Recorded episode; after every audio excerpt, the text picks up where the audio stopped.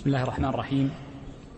الحمد لله رب العالمين وأشهد أن لا إله إلا الله وحده لا شريك له وأشهد أن نبينا محمدا عبد الله ورسوله صلى الله عليه وعلى آله وأصحابه وسلم تسليما كثيرا إلى يوم الدين. ثم أما بعد فقد كنا قد توقفنا عند الدرس الماضي عند قول المصنف رحمه الله تعالى باب باب تعليق الطلاق بالشروط.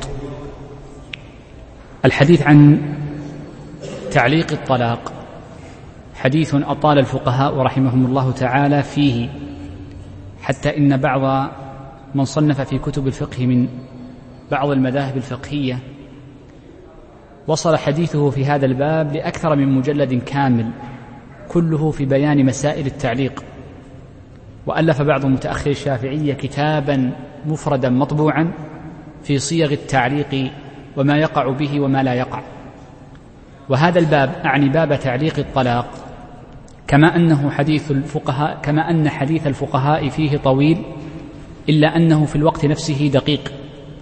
وذلك أن كثيرا من مسائله مبنية على الدلائل الحالية أو الدلائل اللغوية والمباحث اللغوية أو مبنية على الأمور المقترنة بها من الأعراف ونحوها.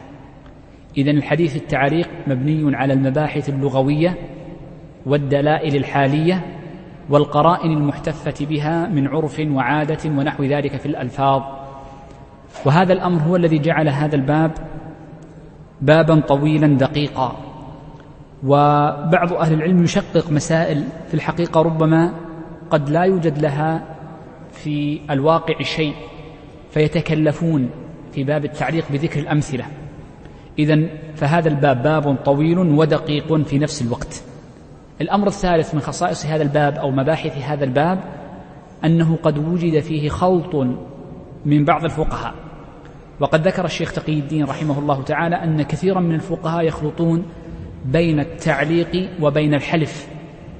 وسيكون حديثنا اليوم بمشيئة الله عز وجل عن تعليق الطلاق.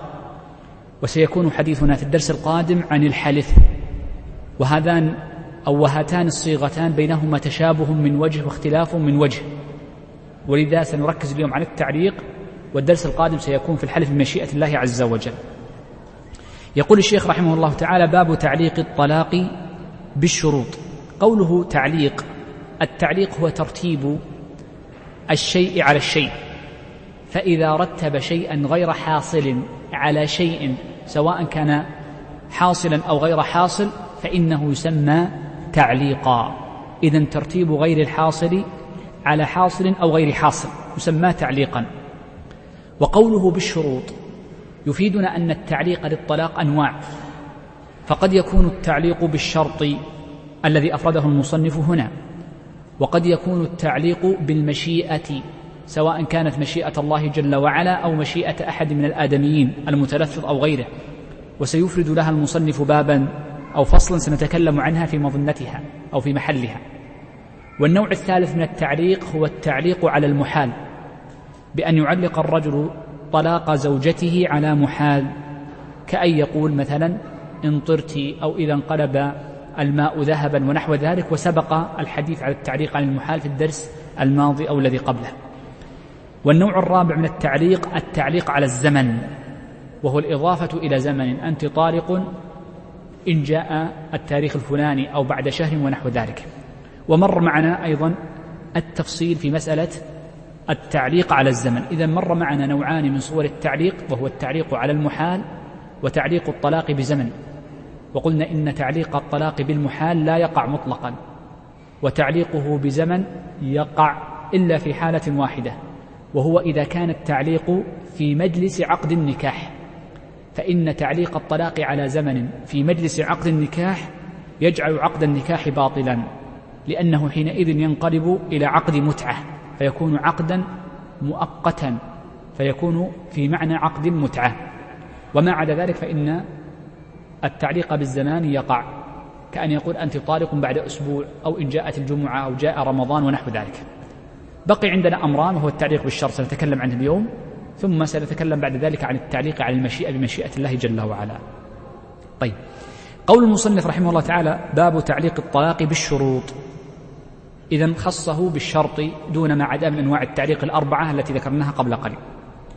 يقول الشيخ لا يصح إلا من زوج. قول المصنف لا يصح إلا من زوج. هذه صيغة من صيغ الحصر وهو الاستثناء من النفي. فنستفيد من هذه الصيغة أمران. فنستفيد من هذه الصيغة أمرين. الأمر الأول الحكم الأول الذي نستفيده أن تعليق الطلاق أن تعليق الطلاق يصح ويقع به الطلاق بشرطه. إذا وجد شرطه الذي سنذكره بعد قليل. لأنه قال لا يصح إلا من زوج فإن كان زوجا فيصح منه. وهذا قول عامة أهل العلم. أن الرجل إذا علق طلاق امرأته على شرط إذا وجد الشرط تحقق الطلاق إلا خلافا مهجورا للظاهرية بأنه يكون الطلاق حينئذ ملغي ولا عبرة به وهذا غير صحيح بل التعليق على الشرط يصح لكن بشرطه الذي سنذكره بعد قليل؟ الأمر الثاني نستفيد من قول المصنف لا يصح إلا من زوج أنه لا يصح كل تعليق إلا بشرط يعني هناك شروط لنقول أن هناك شروط لصحة تعليق الطلاق. هناك شروط لصحة تعليق الطلاق. وقد ذكر المصنف رحمه الله تعالى أربعة شروط لصحة التعليق. ذكر المصنف أربعة شروط. سأورد هذه الشروط الأربعة على سبيل الإجمال في بداية حديثي ثم نأخذها من كلام المصنف رحمه الله تعالى. فإن الشروط الأربعة هي أولا أنه يجب أن يكون التعليق صادرا من زوج بمعنى أن التعليق يجب أن يكون في حال قيام الزوجية. هذا هو الشرط الأول. الشرط الثاني أنه لا بد من الإتيان بأداة الشرط أي التلفظ بصيغة الشرط بصيغة الشرط. والأمر الثالث أنه يجب ألا يكون هناك فاصل أو قبل نقول الشرط الثالث يجب أن حسب ترتيب المصنف أنه لا بد أن يأتي معه بصريح الطلاق.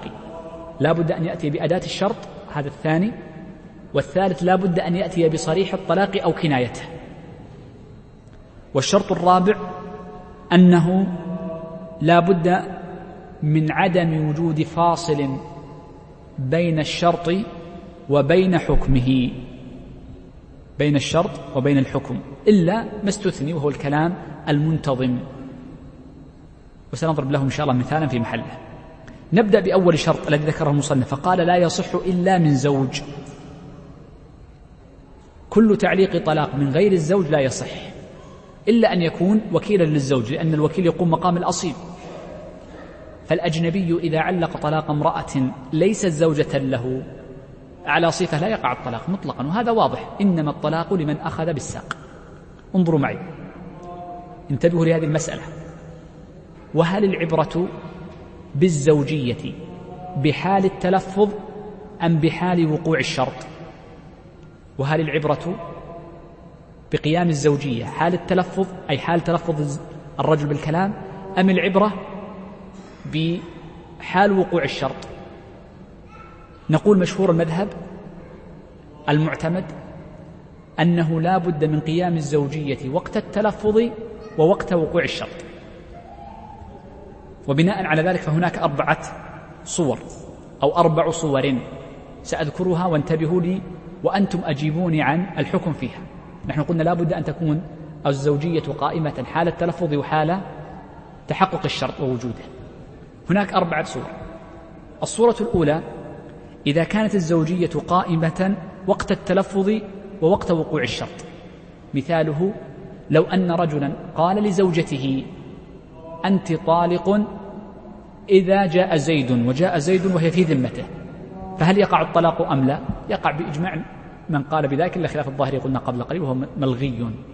لأن وقت التلفظ هي زوجة وحال قدوم زيد هي زوجة كذلك. إذن ماذا؟ يقع الطلاق.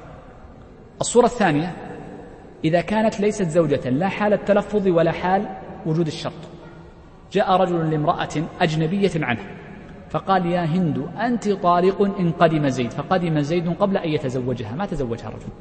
قدم زيد. ما يقع هذا بلا خلاف بين الناس جميعا بلا إشكال لا يقع به الطلاق. واضح الصورة الثانية. انظروا الصورة الثالثة. لو أن امرأ قال لامرأة أو لامرأته أنت طالق إن قدم زيد. وقبل قدوم زيد فارقها إما بطلاق أو خلع ونحو ذلك. فهل يقع عليها الطلاق أم لا؟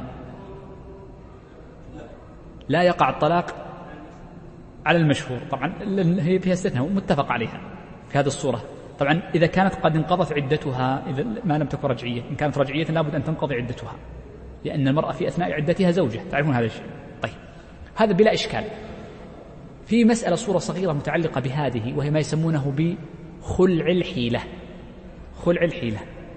خلع الحيلة رجل يعلق طلاق امرأته على شيء فيقول أنت طالق إن قدم زيد وقبل قدوم زيد يخالع زوجته. يقول أعطيني مال فتكوني مخالعة. فيخالعها قبل قدوم زيد بيوم أو بيومين. ثم يقدم زيد وهي ماذا؟ بائنة عنه بينونة صغرى. فهل يقع فيه الطلاق أم لا؟ ما يقع. لكن لو كان حيلة فما رأيكم؟ هو تحيل. تحيل لكي يلغي الطلاق الذي علقه. ذكر المرداوي أن كثيرا من فقهاء الحنابلة المتأخرين يصححون خلع خلع الحيلة. حتى قال وهذا من محاسن المذهب. جرى هذا الشيء. قال لأن فيه إلغاء لكثير من تعليقات الناس. كثير من الناس عندهم تعليق الطلاق زي السلام عليكم. بعض الناس يقول إما تعشيت عندي فامرأتي طالق. هذا تعليق للطلاق وهكذا. فيرى أن خلع الحيلة مخرج من هذا الباب. ولكن أصول الإمام أحمد وأصول محقق فقهاء الحديث الذين يبطلون الحيل يقولون إن خلع الحيلة غير معتبر فيوقع عليها الطلاق وتحسب طلقة وإن خالعته وبانت من حين اللفظ. ولكنها تحسب. لأن الحيلة العبرة بالطلاق والزواج الذي يكون لرغبة أو قصد في العقد نفسه وليس تحيلا على غيره. وهذه المسألة قد نشير لها إن شاء الله في محلها بإذن الله عز وجل. طيب الصورة الثالثة. أن تكون المرأة ذكرنا زوجة الرابعة أن تكون زوجة حال التلفظ والشرط وتحقق الشرط ليست زوجة حال التلفظ ولا حال الشرط زوجة حال التلفظ وليست زوجة حال الشرط. الرابعة ما هي؟ أن تكون حال التلفظ ليست زوجة وعند تحقق الشرط زوجة. ما صورتها؟ رجل قال لبنت جيرانه يا هند إذا قدم زيد أو إذا نعم إذا قدم زيد فأنت طالق. ثم بعد أسبوع تزوجها. وقدم زيد بعد يومين. فهل هي طارق أم لا؟ المذهب أنها ليست طارق. هذه هي مشهور المذهب. هذه اللي ذكرت الشيخ قبل شوي. مشهور المذهب وهو قول المحققين من العلم أيضا أنه لا يقع الطلاق لأن العبرة بقيام الزوجية عند التلفظ وحال الوجود. من أجل أجل الصور المنطبقة عليها هذه القاعدة بعض الناس يقول لشخص آخر. إن تزوجت هندا فهي طالق. فيتزوج هندا. فهل يقع الطلاق؟ يقول لا. بعض الناس يقول لزوجته كل امرأة أتزوجها عليك فهي طارق بالثلاث. هل يقع هذا اللفظ منه أم لا؟ لا يقع.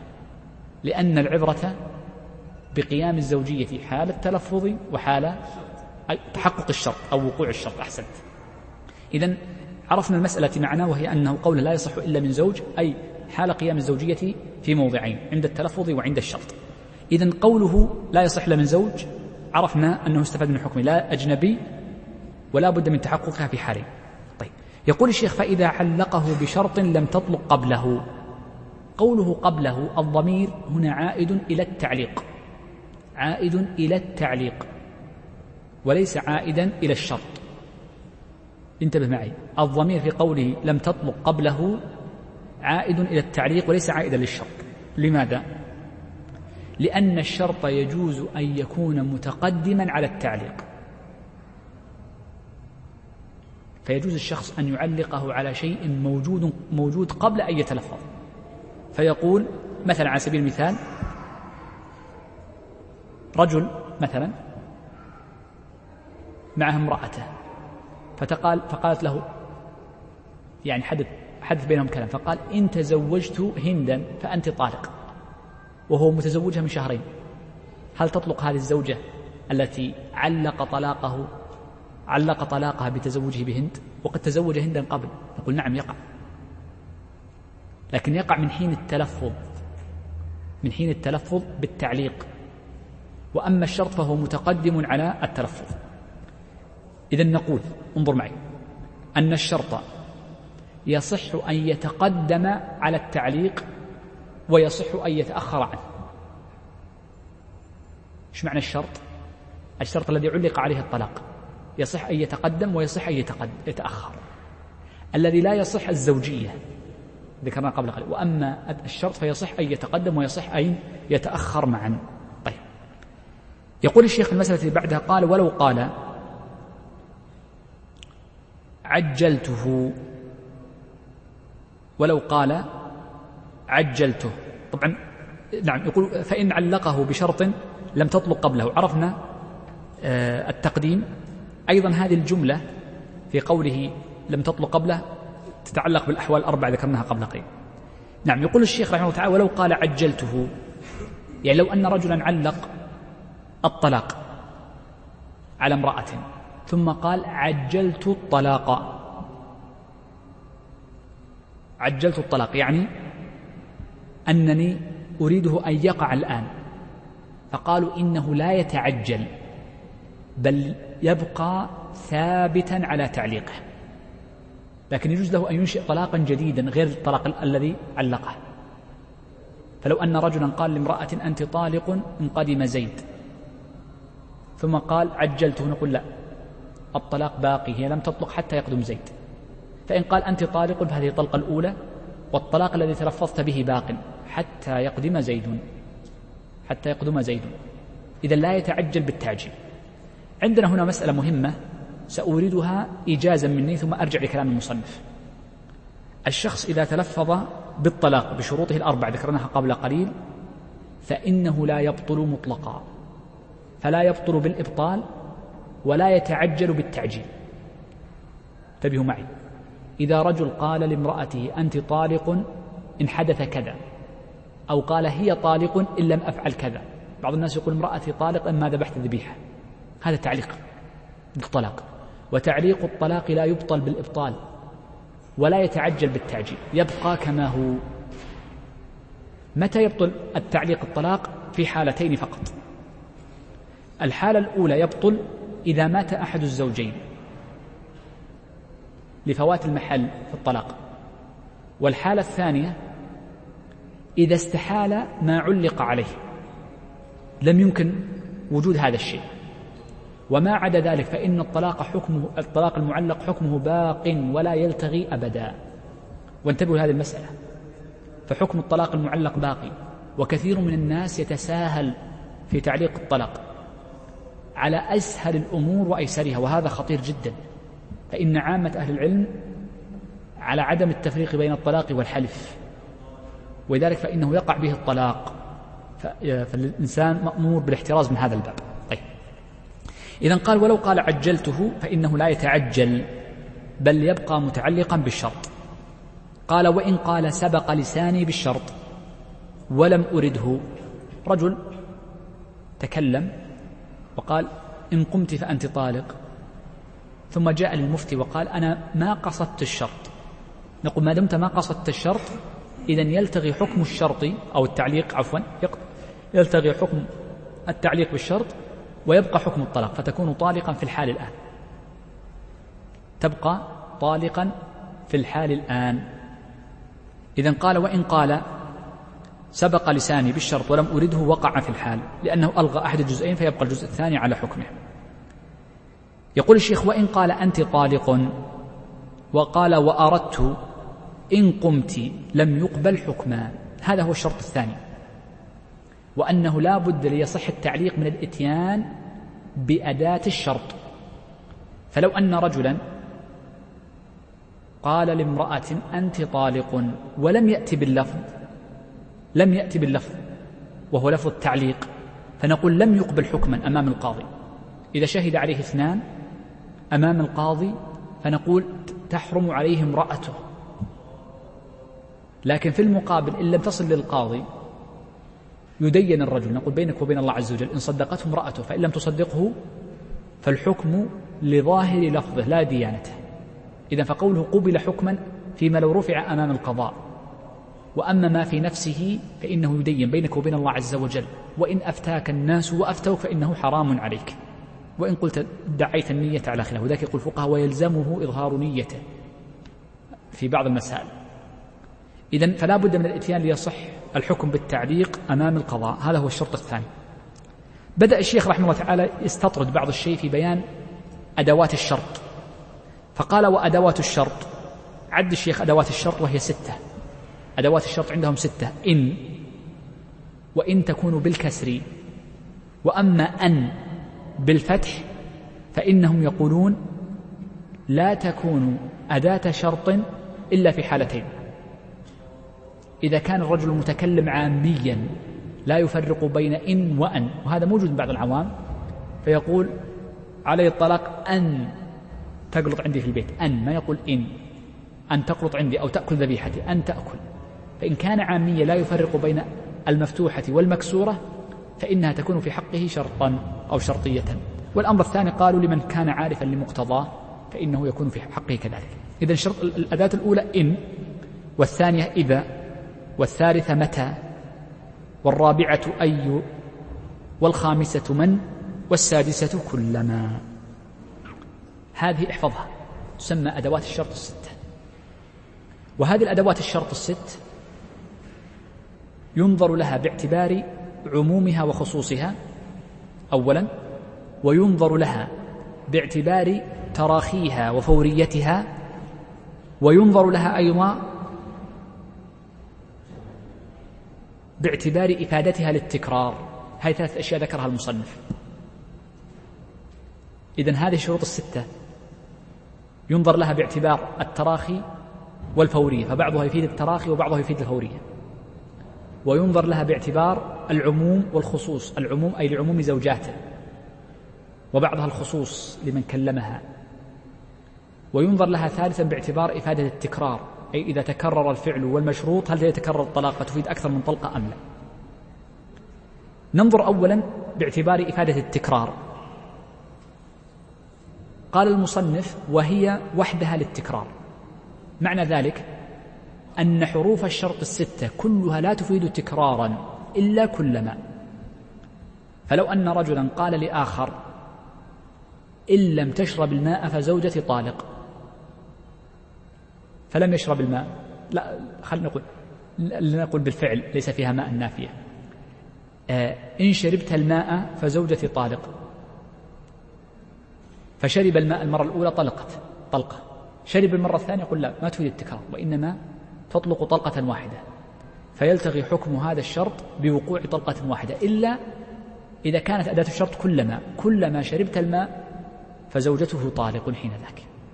فحينئذ يفيد التكرار. كل شربة بطلقة كل شربة بطلقة حتى ينتهي. طيب هذا هو التقسيم الأول. بدأ بعد ذلك المصنف يتكلم عن هذه الستة. هل تفيد الفورية أم لا؟ فبين المصنف رحمه الله تعالى أن الشروط أن الحروف الستة كلها على التراخي. أن الستة كلها على التراخي. إيش معنى على التراخي؟ يعني لو أتى باللفظ انظر معي لو أتى باللفظ ولم يتحقق الشرط إلا بعد فترة طويلة وقع الطلاق هذا معنى كونها للتراخي. أما على الفورية معناها أنه إذا تأخر الشرط فلا يقع الطلاق هذا معنى الفورية والتراخي. إن قال رجل لآخر إن شربت الماء فزوجته طالق. هذه على التراخي. لو ما شرب الماء إلا بعد أسبوع تطلق بعد أسبوع. إذا فالحروف الستة كلها حروف الشرط وأدواته كلها على التراخي. إلا في ثلاثة مواضع. سأذكرها سردا ثم نأخذ من كلام المصنف. الحالة الأولى إذا نوى الفورية. فقال رجل لآخر إن شربت الماء فزوجته طارق وقصد تشرب الآن وليس المقصود طول العمر فحينئذ تفيد الفورية فلو تراخى في شرب الماء لم تطلق زوجته وهذا يحدث كثيرا. بعض الناس يقول مثلا عليه الطلاق ذلك الرجل لأضربنك إن لم أضربك يقصد ولد الصغير عليه الطلاق إن لم أضربك يقصد بها في نيته ماذا؟ نيته الآن. ليس أضربك بعد يومين ثلاثة. إذا هي تفيد الفورية. فإن تراخى في ضرب هذا الولد وقع الطلاق. لأن النية مقصود بها الآن. هذه الحالة الأولى. الحالة الثانية شبيهة بها وهي إذا كانت هناك قرينة تدل على الفور. قرينة حالية طبعا تدل على الفور.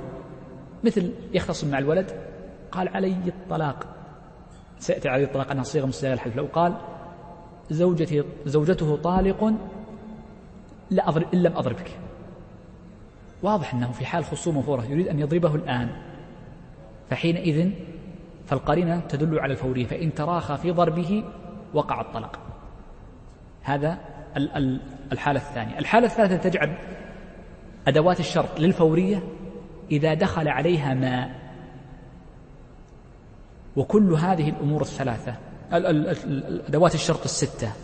إذا دخلت عليها ماء فإنها تفيد الفورية إلا إن. فإن ما إذا دخلت على إن تكون كافة. كافة لعملها. إنما. قالوا ولأن إن ليست متعلقة بالزمان فما لا تفيد لا فورية ولا تراخي.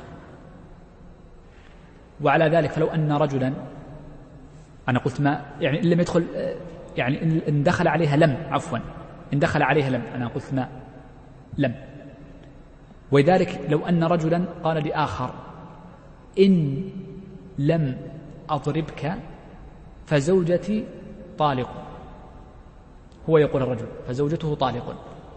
نقول إن دخول لم على غير إن تفيد الفورية وأما على إن لا تفيد الفورية فتبقى على التراخي.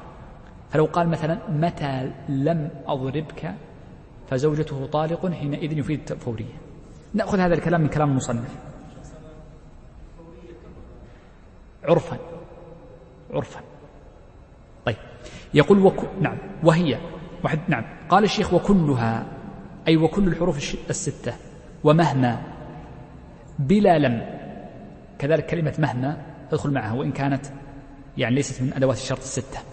بلا لم أو نية الفور أو قرينته أي قرينة الفور فإنها للتراخي. فمهما وجد الشرط ولو طال الزمن يقع به الطلاق. ومع لم إذا لم يضربه فزوجته طالق مثلا. ومع لم للفور تكون للفور يجب أن تكون للفور فإن تراخى الشرط التغى. قال إلا إن إذا دخلت معها لم فإنها لا تفيد الفورية لأنها ليست متعلقة بالزمان مع عدم نية فور أو قرينته. طبعا قوله مع عدم نية فور أو قرينته متعلقة بإن متعلقة بإن. طيب. يقول الشيخ رحمه الله تعالى فإذا قال إن قمت أو إذا قمت أو متى قمت أو أي وقت قمت أو قال من قامت من زوجاته أو كلما قا أو كلما قمت فأنت طالق. فمتى وجدت؟ طلقت طبعا قول المصنف أن متى وجدت؟ التاء الحقيقة هذا موجودة في بعض النسخ. وفي بعض النسخ متى وجد؟ وأظن أن الصواب من النسختين متى وجد لا متى وجدت. لأن المقصود وجود القيام. فمتى وجد القيام طلقت الزوجة طلقت الزوجة. آه هذه الجملة أتى بها المصنف لبيان أمر وهو أنه لا بد أنه يقع الطلاق عند تحقق الشرط مباشرة. يقع الطلاق عند تحقق الشرط. طيب وهذه واضحة. قال وإن تكرر الشرط لم يتكرر الحنث إلا في كل ماء يقول إن, إن, إن الألفاظ لا تفيد التكرار وبناء عليه فلو وجد الشرط أكثر من مرة إن شربت الماء فزوجته طالق لو شرب الماء مئة مرة ما تقع إلا طلقة واحدة لأنها لا تفيد التكرار إلا كلما هي التي تفيد التكرار فإذا تكرر الفعل فإنه يتكرر الطلاق إلى ثلاث. ثم بدأ المصنف رحمه الله تعالى على بذكر مثال على التعليق على عدم التطليق. هذه المسألة يسمونها التعليق على عدم التطليق تعليق الطلاق على عدم الطلاق. قال فإن قال وإن لم أطلقك فأنت طالق. لو أن رجل قال لامرأته اختصم معها. فقالت فقال سوف أطلقك. لا يقع به الطلاق. سوف أطلقك. لا يقع به الطلاق. لماذا؟ لأنه أضافه إلى المستقبل. سوف. وقلنا كل صيغة من صيغ الطلاق تضاف المستقبل لا تقع. قالت لا لن تطلقني. فأراد أن يؤكد لها قال إن لم أطلقك فأنت طالق. سأطلقك سأطلقك. فعلق الطلاق على عدم التطليق. قال فإن وإن قال وإن لم أطلقك فأنت طالق. ولم ينوي وقتا. ما نوى وقت؟ ولم تقم قرينة بالفور. ولم يطلقها بعد ذلك بعد يوم أو يومين أو شهر. قال طلقت في آخر حياة أولهما موتا. أول واحد منهم يموت قبل وفاته بساعة لنقول أو بشيء قليل نعتبرها قد طلقت. لأن هذا آخر وقت يمكن أن يقع فيه الطلاق. ونحن قلنا إن الطلاق يبطل بموت أحدهما. فلا نبطل التعليق أن التعليق يبطل بموت أحدهما. فلا وقبل أن نبطل التعليق نوقع الطلاق. فنقول يقع بموت آخر يقع في حياة آخرهما. في حياة في آخر حياة أولهما موتا. بمعنى أنه في آخر جزء من حياة أولهما موتا. هكذا كلام الفقهاء. ولذلك قلت لكم هذه المسائل فيها بعض الدقة وفيها بعض التفكير. والفقهاء ربما يتوسعون في باب التعليق هنا وفي باب الأيمان والنذور من باب يعني كما ذكر بعض أهل العلم طرح ما في القرائح وكد الذهن. فعندهم أبواب معينة يأخذون راحتهم فيها. فيكدون الذهن كما أن عندهم بعض المسائل في الوصايا وغيرها يستطردون في ذكر الأعداد ومسائل الحساب ونحو ذلك. يقول الشيخ وإن قال متى لم؟ أو إذا لم؟ أو أي وقت لم؟ أطلقك فأنت طالق؟ هذه تتعلق بالأزمنة هذه أدوات الشرط متعلقة بالزمان مثل متى وإذا وأي وقت لأنها متعلقة كلها بالأزمنة. قال فإذا لم قال هذه الجمل أتى بهذه الحروف أو الأدوات أدوات الشرط. مع قوله لم أطلقك فأنت طالق. قال ومضى زمن يمكن إيقاعه فيه ولم يفعل طلقت أي في الحال. تطلق المرأة في الحال. إذا تعليق طلاق المرأة على عدم تطليقها نقول له حالتان. حالة مع إذا كانت أداة الشرط ليست متعلقة بالزمان وهي حرف إن لأنه ليس له زمان فحينئذ تطلق في آخر الزمان. وأما متى كان متعلقا بالزمان مثل متى؟ وإذا وأي وقت فإنها يجب أن تطلق على الفور. فإذا مضت فترة لنقول ثلاث دقائق ولم يطلقها فإنه حينئذ أو أقل من ذلك فإنها تطلق مباشرة على الفور. وهذه المسائل قد تستغرب تقول ليست من الدين نقول لا هذه من دلائل اللغة العربية. ولذلك العلماء الذين عنوا بذكر المسائل المبنية على معاني الحروف وعلى القواعد العربية كلها لا تكاد تخرج عن ثلاثة أبواب باب الطلاق وباب النذر وباب الأيمان في الغالب. فهذه كلها مبنية على دلائل اللغة وهذا الكلام نذكره هو مبني على دلائل اللغة. حروف الشرط والمع... يعني حروف عفوا معاني الحروف وما الذي تدل عليه. ولذلك الأصوليون عندما يذكرون في كتب الأصول معاني الحروف لا يذكرونها عبثا بل لأن لها أثرا كبيرا في تفسير ألفاظ آه، المكلفين من جهة وفي تفسير كلام الشارع أيضا فهم يأتون بها من النوع الثاني في تفسير كلام الشارع وفي كتب الفقه يؤتى بها لأجل تفسير كلام المكلفين. طيب. يقول الشيخ وكلما لم أطلق هذه الصيغة الثالثة. قال وكلما لم أطلقك فأنت طالق. كلما هذه الصيغة الثالثة منها. فأنت طالق. قال ومضى ما يمكن إيقاع ثلاث مرتبة فيه ولم يطلقها. طلقت المدخولة بها ثلاثا وتبين غيرها بالأولى. كلما تختلف عن التي قبلها لماذا؟ لأن كلما تفيد التكرار. فالتي قبلها وهي متى وإذا وأي وقت إذا مضى إمكان تطليق طلقة واحدة أنت طالق بهذه الفترة. وأما كلما فلا بد أن يمر فترة تكفي فيها ثلاث طلقات أنت طالق أنت طالق أنت طالق. فيكرر الألفاظ ثلاثا. وهذا معنى قوله ومضى ما يمكن إيقاع ثلاث أي ثلاث طلقات مرتبة. يعني ليست بلفظ واحد أنت طالق بالثلاث وإنما مرتبة الفرق كم؟ ثواني. لا فرق ليس فرقا كبيرا. ولم يطلقها في ذلك قال طلقت المدخول بها ثلاثا وتبين غيرها بالأولى. هذه واضحة. سبق معنا أن المدخول بها وعرفنا معنى الدخول وهو الخلوة فنزلت المظنة منزلة المئنة يقع عليها الطلاق الثلاث. وأما غير المدخول بها فإنها تبين بالأولى لأن الله عز وجل قال فما, علي فما لكم عليهن من عدة تعتدونها. فإذا جاءت الثانية فلا تكون محل للطلاق فتبين بواحدة. هذا واضح. يقول الشيخ وإن قال إن قمت فقعدت أو ثم قعدت فأنت طالق. يعني إن قال لها إن قمت فقعدت فأنت طالق. إن قمت فقعدت. والفاء تفيد التعقيب. أو قال إن قمت ثم قعدت. فأنت طالق. إذا رتب الطلاق على شيئين ليس شيئا واحدا القيام والقعود سواء رتب بالفاء أو بثم. أو قال إن قعدت إذا قمت فأنت طالق. فأتى بأتى الشرط في الفعلين معا.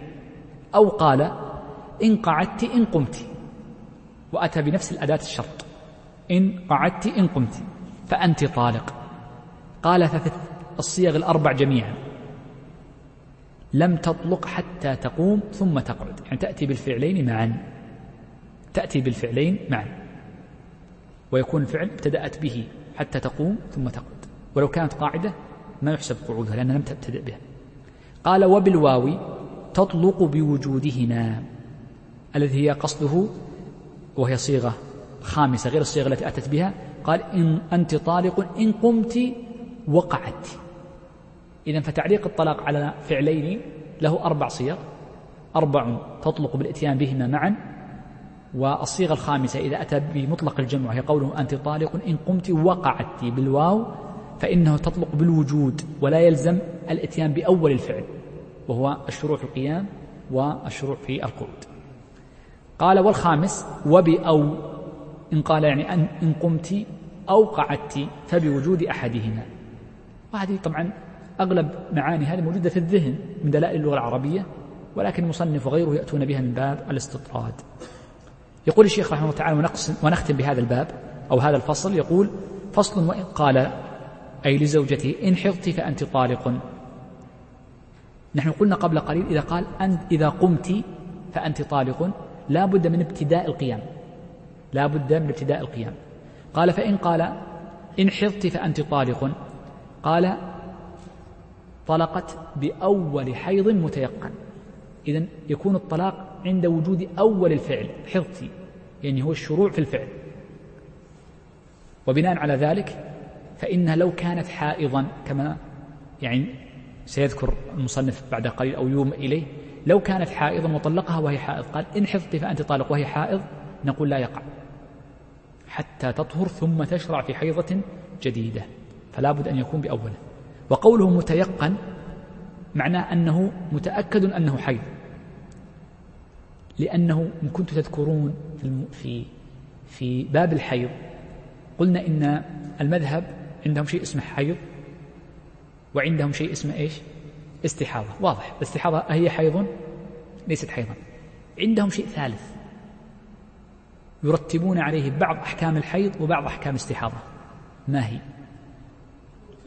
لا. إيش قلت تلفيق لا وليست المبتدا يا شيخ ظاهر ولا شيخ الرحمن. هذه موجودة في المذهب. لا لا. لا. يسمونه المشكوك فيه. قلنا إن المشكوك فيه عند عند أصحابنا في موضعين في الحيض وفي صيام رمضان يوم الشك. فيعطونه بعض أحكام هذا وذاك. عندهم شيء يسمونه المشكوك فيه. ماذا تفعل المرأة؟ تصوم وتصلي. ثم إذا ذهبت هذه الفترة يسمون المشكوك فيه ماذا تفعل؟ تقضي تقضي الصوم والصلاة؟ ما تقضيها. فأمروها بالصيام مرتين في الحيض المشكوك فيه. والحيض المشكوك فيه له صور عندهم تقريبا ثلاثة أو أربع هذا من فائدة المذهب. أظن. أظن لا يعلم المشكوك إلا هم. فإذا جاءت جاءها المرأة الماء الدم المشكوك فيه الذي تصوم وتصلي يعني الذي عفوا لا تصوم ولا تصلي معه تصوم وتصلي وتقضي. هل تطلق عند وجود المشكوك فيه؟ نقول لا. فلا بد أن يكون متيقنا. ومعنى متيقن أي على القواعد. لأن في أشياء فيها خلاف بين الفقهاء. مثل قضية تقديم العادة على على التمييز ونحو ذلك. بالضبط. قصد متيقن أي متيقن؟ بناء على قواعد الفقهاء. طيب. قال وفي إذا حضت حيضة تطلق بأول الطهر من حيضة كاملة. إذا قال له إذا حضت حيضة حيضة أي كاملة؟ فلا بد أن تأتي كاملة تطلق بأول الطهر من حيضة كاملة بمعنى أنه آه، لا يعتد بالحيضة التي وقع فيها الطلاق عند التلفظ بالتعليق. قال وفي قوله إذا حضت نصف حيضة تطلق في نصف عادتها. ما معنى هذا الشيء؟ ربما ما أدري هل يقولها رجل إذا قال أنت طالق إذا حض إذا حضت نصف حيضة. طيب. المرأة ربما امتدت حيضتها إلى خمسة عشر يوما وهو أقصى الحيض. ما هو النصف؟ سبع أيام ونصف؟ طيب افرض أنه مات قبله هل ترث ولا ما ترث؟ متى تحسب العدة؟ متى نحكم بوقت الطلاق؟ ترتب عليه عدة خاصة إذا كان طلاقا بائنا ثلاث. فيقولون لا ما ننتظر حتى تنتهي. فنقول أنت عادتك العادة كم؟ ثمانية أيام. إذا بعد انقضاء أربعة أيام طلقت يعني تطلقت وإن امتد الحيض إلى خمسة عشر يوما. فالعبرة بالعادة. فالعبرة بالعادة. وهذا من باب ضبط المسائل. طبعا هذا الباب كما ذكرت لكم هنا نقف بمشيئة الله عز وجل. هذا الباب يعني شو قد يكون ثقيل وغريب وفوائده يعني قليلة لكن فيه ميزات. الميزة الأولى أنه يجعل الشخص يعنى باللغة ودلائل الألفاظ وهذه مهمة جدا. وذلك يجب على طالب العلم أن يعنى بدلائل الألفاظ عموما وبمعاني الحروف خصوصا. ولذلك الأصوليون يذكرون في حشو علم الأصول. علم الأصول هناك حشو وهناك علم. ومن الحشو مباحث الاجتهاد والتقليد. ومن الحشو أيضا مباحث اللغة. ومن مباحث اللغة ما يتعلق ما يذكرونه من معاني الحروف. فهذه مفيدة لطالب العلم أن يتعلمها فيقوي ملكته. وليعلم طالب العلم وخاصة في الفقه أنه لا يمكن أن يكون المرء فقيها إلا أن يكون عالما باللغة. وقد ذكر الشاطبي رحمه الله تعالى أنه لا يمكن أن يتحقق الاجتهاد لمن لا يعرف العربية. إذا الفائدة الأولى من هذا الباب هذه المسألة. الأمر الثاني معرفة أن الفقهاء رحمه الله تعالى كان لهم اجتهاد ومع اجتهادهم يفرحون في بعض الأشياء التي فيها متنفس في أشياء زي ما يقولون يحمضون بها في أشياء توقيفية من الكتاب والسنة والإجتهاد فيها تحقيق مناطات ونحو ذلك. وذلك يقولون إن بعض الأبواب من الفقه ذكره بعض النحويين. يقول إن أبواب الفقه قد احترقت علم النضج واحترق علم الفقه يقول كذا. فهو الأصول والقواعد يعني تقررت لكن متى يجد الفقهاء مبحثا يتنفسون فيه مسائل الشروط مثلا أو التعليق الطلاق وغيره فيبدأ يأخذ راحته في توليد المسائل. فهذه يعتبر مثابة النزهة للفقيه. وذلك لما ترى في كلام محمد بن حسن رحمه الله تعالى في المناظرات القديمة كان كثير من مناظراتهم ومجادلاتهم التي يعني يسعدون بها كانت في متعلقة بوقوع الطلاق ونفيه. والفقهاء طبعا يأنسون بالمناظرات الفقهية حتى إن بعض أهل العلم رحمه الله تعالى كان يقول إن من أشد لذة الدنيا مجالسة أهل العلم بمسائل العلمية إن كان كذا. طبعا المقصود الذي يجادل لأجل العلم أو يناظر لأجل العلم. وأما الذي يجادل لأجل الجهل هذا بالعكس الجلوس معه مذموم ونعم. إذن هذا الفائدة الثانية. سنة.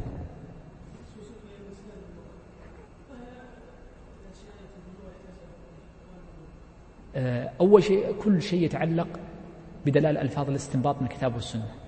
هذا واحد. كل ما يحتاج إليه المستنبط من الكتاب والسنة. هذا واحد. ثانيا ما يحتاج إليه أيضا عند الاستنباط من ألفاظ المتداعيين وألفاظ المستفتين وألفاظ الواقفين والموصين. الوصايا لها ألفاظ. والأوقاف والمتداعين والمستفتي. المستفتي إذا ما كنت تعرف لغته مشكلة. وكل هذه الأمور أربعة تحتاج اللغة في بيانها. الأمر الثالث أيضا معرفة اللغة في فهم كلام الفقهاء. كثير من الناس يفهم كلام الفقهاء على غير وجه. فيظن تركيبا صرفيا معينا في ذهنه فيأتي به مع أن هذا غير مقبول في اللغة العربية. ولذلك ألف ابن بري صاحب الحاشية على الصحاح. طبعا الصحاح للجوهري آه، وإن كان أهل اللغة هذه فائدة في كتاب الصحاح. في أعطيك فائدتين في هذا الكتاب. الفائدة الأولى أن اسمه الصحاح بالفتح وليس الصحاح بالكسر. ولذلك كان بعض مشايخنا المصريين كان يقول إياك وكسر الصحاح لا تكسر الصحاحة لا تكسرها كسرة. ولا تكسر الصحاح اللي هي الذهب الصحيح لا تكسره بل ابقه سليما فهو من باب الطباق. هذا كتاب الصحاح للجوهري اللغويون يرون أن درجته أقل.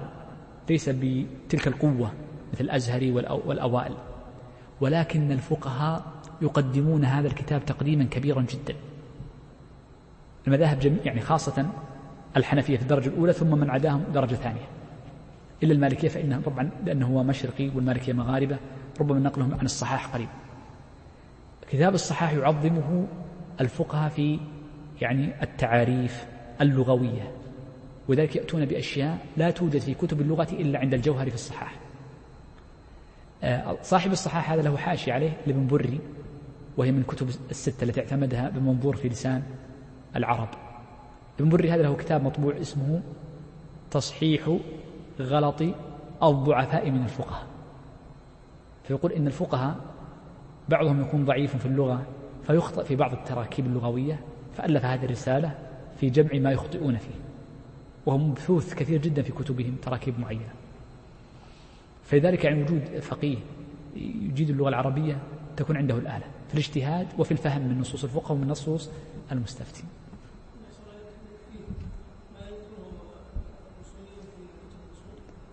يعني النحو هذا مهم. ما يذكر النحو لكن النحو مهم. وعندك الصرف أيضا. ولو على الأقل الحد الأدنى مو لازم يعني لامية الأفعال مثل ابن مالك. ولكن الصرف البلاغة. يعني عندما ترى فقيها يكتب وعنده نفس لغوي جيد يصبح كتابه ألذ. شرح الروضة للطوفي. نظرا لأن الطوفي معني باللغة. كتابه سهل. انظر لفلان وفلان غير تسمية منهم. معني بعلم الكلام. تجد كلام كتاب الأصول ثقيل. ثقيل ومتعب قراءته مثل الآمدي وهكذا. متعب لأنه معني بعلم الكلام ليس معنيا بالأدب. الشافعي من أعظم أسباب رواج كتبه أنه يكتب بلغة رائعة جدا لأنه يعني عالم باللغة. جلس يتعلم اللغة عند هذيل بجانب مكة فترات طويلة فكان لسانه من أعلم الناس بأشعار هذيل هو رضي الله عنه ورحمه. فمن كان عالم باللغة يصبح لسانه يعني كلامه مقبول ويفصح في البيان أكثر من غيره. ولذلك يعني الشاطبي قلت لك يقول هو شرط في الاجتهاد وكثير من الأصول ما ليس كل الأصوليين وإنما كثير من الأصوليين يذكره شرطا. سبي شيخ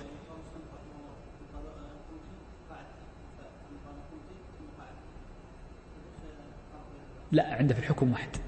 الفاء لأنها تفيد التعقيب تفيد التعقيب وثم لا تفيد التعقيب فقد يجوز فيها التعقيب والتراخي لماذا لم يقل لا فرق بينهما في الحكم؟ لأن المقصود التعليق على الفعلين وليس المقصود على تعقيب الفعلين ليس مقصوده التعقيب وإنما قصده تعقيب فقال وجود الفعلين وليس الفاء هذا لا يترتب عليها نفي المشروط المشروط هو الفعل. هذه وجهة نظر ذكرها. المصنف سمي شيخنا.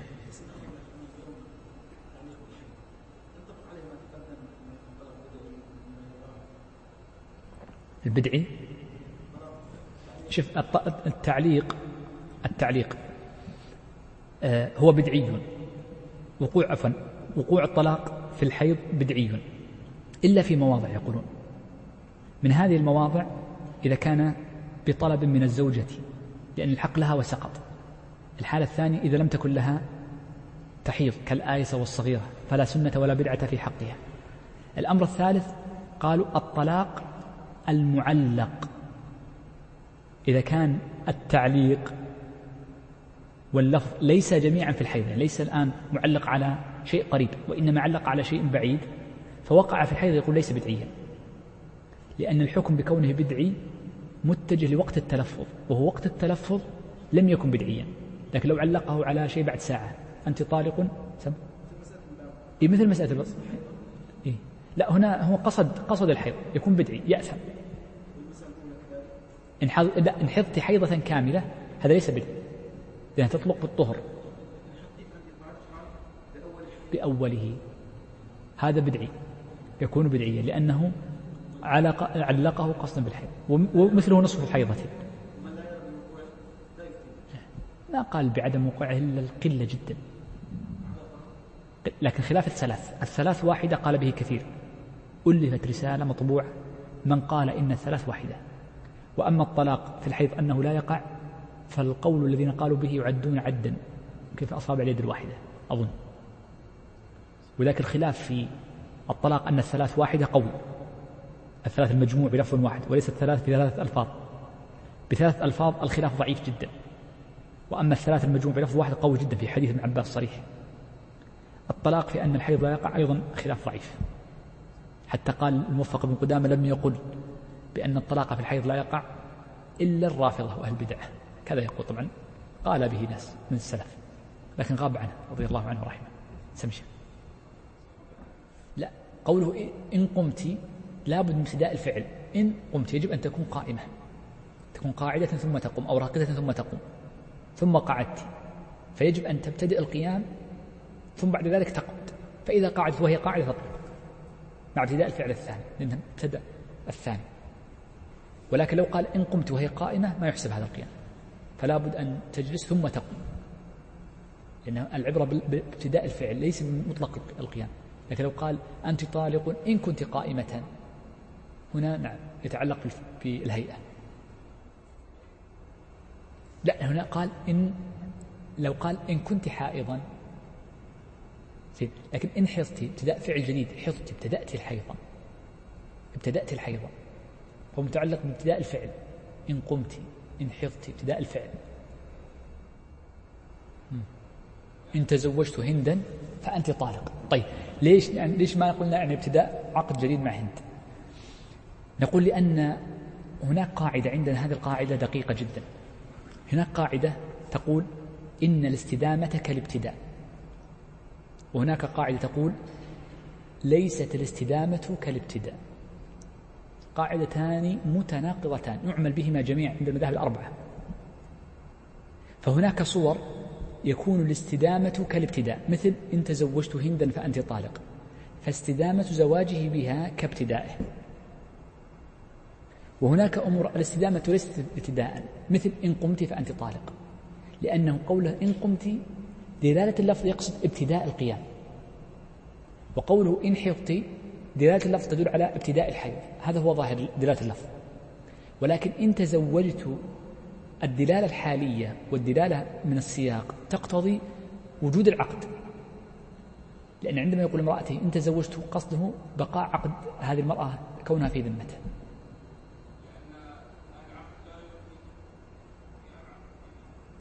ممكن.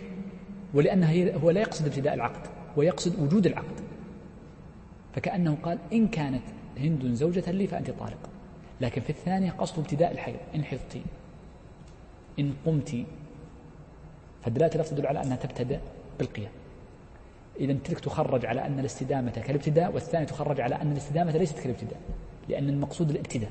لأن هناك أفعال مقصودها الابتداء فلا تكون الاستدامة كالابتداء. يعني مثلا أعطيك مثال خلاف المذهب. في مسألة مختلف. أهي منها أم ليست منها؟ لو أن شخصا طيب إحرامه. تطيب الإحرام فيه فدية. أليس كذلك؟ فيه فدية. لو أن امرأ طيب إحرامه قبل دخول في النسك. فيقولون هذه استدامة. يجوز لأنه طيبه ابتداؤه كان مباحا. فالاستدامة ليست كالابتداء. المبتدأ محرم فهنا نقول يجوز لك. الرواية الثانية يقول لا من طيبه قبل الإحرام وبقي الطيب عليه محر بقي الثوب المطيب بعد الإحرام فعليه الفدية. بناء على أن الاستدامة هنا أهي ابتداء للتطيب أم ليست ابتداء للتطيب؟ فمن قال ليست ابتداء قال لا فدية. ومن قال إنها ابتداء للتطيب الاستدامة كالابتداء قال إن عليه الفدية. فيبقى بعض المسائل هي التنزيل هنا محل إشكال. هناك قواعد فقهية مشكلة. قواعد فقهية مثل هذه. أن الاستدامة كالابتداء مثل عندك قاعدة ثانية شيخ التي ألف فيها الوصابي أحد علماء اليمن قبل أكثر من الشافعي آه، أظن الوصابي. طبعت رسالة صغيرة من علماء اليمن قبل أكثر من 200 سنة أو 300 سنة وهي قضية لما يقول العلماء القواعد النادر لا حكم له. ما معنى النادر لا حكم له؟ باختصار هل النادر يلحق بجنسه أم يلحق بعينه؟ أحيانا يقولون بجنسه وأحيانا بعينه وكلهم يقول النادر لا حكم له. يعني هذه ثلاثة أشياء لها حكم وهذا نادر. هيئته مختلفة الكأس عن هذه الكؤوس الثلاثة. هذا نادر وهذا غالب. إذا قلت إن النادر لا حكم له هل معناها أنه يلحق بجنسه؟ فيأخذ هذا النادر حكم الغالب؟ أم تقول إنه لا حكم له مثلهم فيأخذ حكما مستقلا بنفسه؟ أحيانا يقولون كذا وأحيانا يقولون كذا. فالألف صاحب هذا الكتاب وهو مطبوع هنا في الرياض؟ قال إن لم أجد يعني من فصل في هذه المسألة وجد فيها قاعدة. قال وأنا كذا سنة ما أدري كم قال سنة نسيت. عشرين سنة وأنا أفكر فيها. حتى خرج بهذه القاعدة وما حررها تحريرا تاما إذا هناك قواعد نظنها مسلمة. مثل نادر لا حكم له مثل الاستدامة كالابتداء أو مثل حتى قاعدة أن اليقين لا يزول بالشك. هذه مشكلة أحمد أشكلت عليه. يقول في مسائل ابن هاني يقول ليس لها أحيانا اليقين عفوا الشك يعمل فيه باليقين وأحيانا يعمل فيه بغلبة الظن وأحيانا يعمل فيه بالتحري وأحيانا يعمل به يعمل فيه بالاحتياط. نعم هي خمسة أشياء هذه أربعة أشياء أظن خمسة اللي قلتها ما أدري قلت خمسة. قلنا باليقين وغلبة الظن والاحتياط والتحري أربعة أشياء أربعة أشياء. لذلك قال ابن القيم في بدائع الفوائد قال وليس لها قاعدة منضبطة. اليقين لا يزول بالشك ليس لها قاعدة منضبطة. وأنتم تجعلونها من الخمس الكبرى. قال ابن اللحام قال وطردها طرد قاعدتها طبعا يقصد عند الفقهاء. قال ولم يطرد قاعدتها إلا الشيخ تقي الدين الشيخ تقي الدين جعل قاعدة مضطردة دائما غلبة الظن مقدمة. إلا إذا عدم غلبة الظن فيصار اليقين.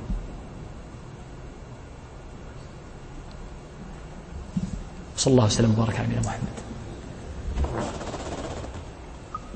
نأخذ هذه الأسئلة ولا ما يحتاج؟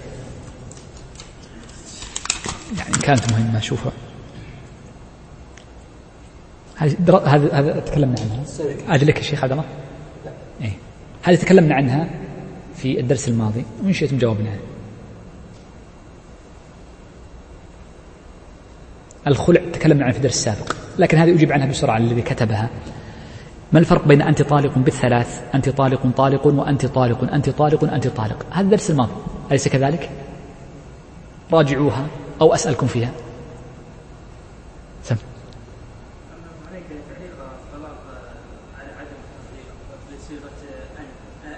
إن.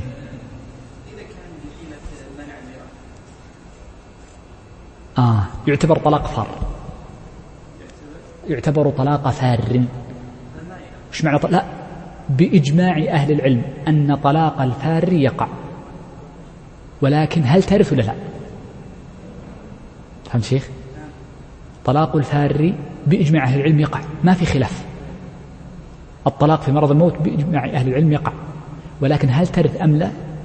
هذا الذي فيه نزاع ترث ما لم تتزوج ترث مطلقا لا ترث مطلقا. حديث تناظر مع لما طلقها عبد الرحمن ابن عوف.